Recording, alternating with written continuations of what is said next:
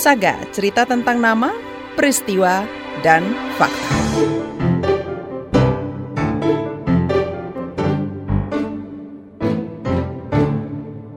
Tumbang Nusa, Pulang Pisau, Kalimantan Tengah merupakan desa prioritas restorasi gambut. Separuh lebih ekosistem gambut di sana rusak akibat kebakaran hutan dan lahan pada beberapa tahun silam. Kelompok perempuan terlibat dalam program pemulihan lahan lewat kreasi produk ramah lingkungan. Jurnalis KBR Heru Haitami berbincang langsung dengan para ibu tumbang Nusa dan menuliskan kisahnya untuk Anda. Nama saya Ibu Leni dari Desa Tumbang Nusa sedang mencari purun untuk pembuatan sedutan. Pukul 7 saban pagi, Leni dan beberapa perempuan warga Desa Tumbang Nusa, Pulang Pisau, Kalimantan Tengah sudah berada di rawa. Mereka menaiki kloto atau perahu kecil. Mereka mencari purun sejenis rumput dengan batang berongga di bagian tengah. Tanaman yang hanya tumbuh di lahan gambut ini merupakan bahan utama sedotan minuman ramah lingkungan.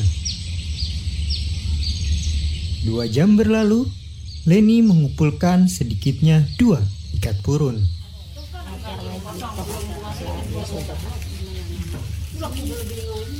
Sesampainya di rumah, Leni langsung bekerja membuat sedotan.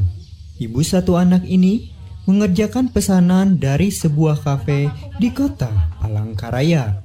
Dua ikat purun yang dikumpulkannya bisa menghasilkan sekitar 200 sedotan. Dipotong, dipotong dulu, terus dibersihkan. Bersihkan pakai sabun. Setelah dicuci, dipotong. Potongnya 25 cm dulu. Habis motong, ibu membersihkan, bersihkan dalamnya. Ini dicuci lagi. Ini habis dicuci, direbus pakai serai pakai daun pandan ngerebusnya biar bakterinya mati Leni menekuni usaha ini sejak 2019 lalu. Keterampilan membuat sedotan purun diperolehnya dari pelatihan yang digelar Badan Restorasi Gambut atau BRG. Pertama purun ini harganya, kelebihannya. Kemudian kalau untuk lingkungan purun lebih cepat terurai. Dia tumbuhnya itu lebih cepat. Itu tiga bulan udah tiga. Febri merupakan fasilitator desa dari BRG yang menggagas pembuatan sedotan purun. Ia menyadari potensi besar pemanfaatan purun setelah empat tahun mendampingi pemberdayaan masyarakat di Tumbang Nusa. Apalagi desa ini memiliki lahan gambut terluas se-Kalimantan. Ternyata mereka bilang potensi purun di sini banyak sekali, hampir 5 kilo ya Bu ya, sehamparan.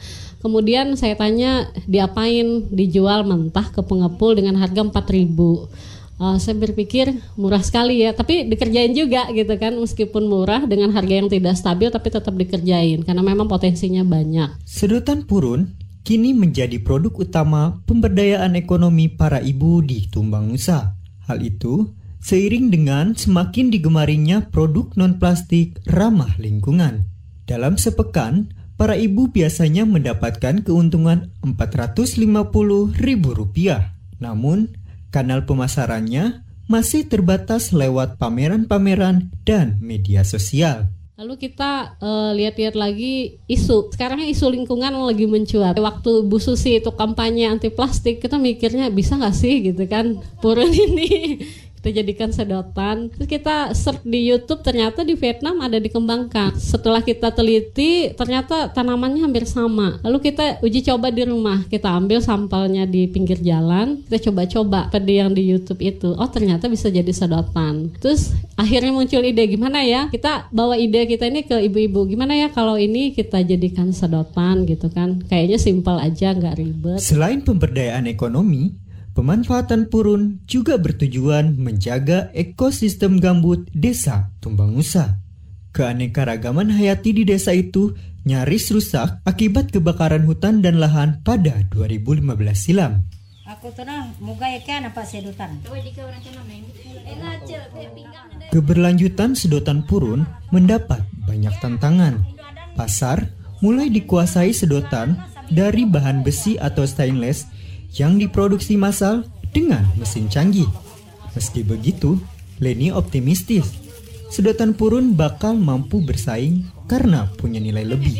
Ia juga berharap ada dukungan pemerintah untuk pengrajin sedotan purun. Ini sekali pakai kalau dibuang kan langsung membusuk. Biasanya kalau ini kan kalau kita makai mestinya jangan dibuang, diambil lagi terus kita kumpul, taruh di pot tanaman, nanti subur itu. Walaupun punya pesaing tapi ini juga mempunyai kelebihan lah yang pastinya ramah lingkungan, yang kedua ya bisa untuk pupuk lah gitu.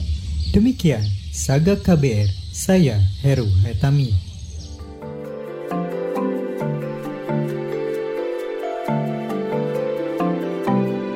Saga, cerita tentang nama, peristiwa, dan fakta.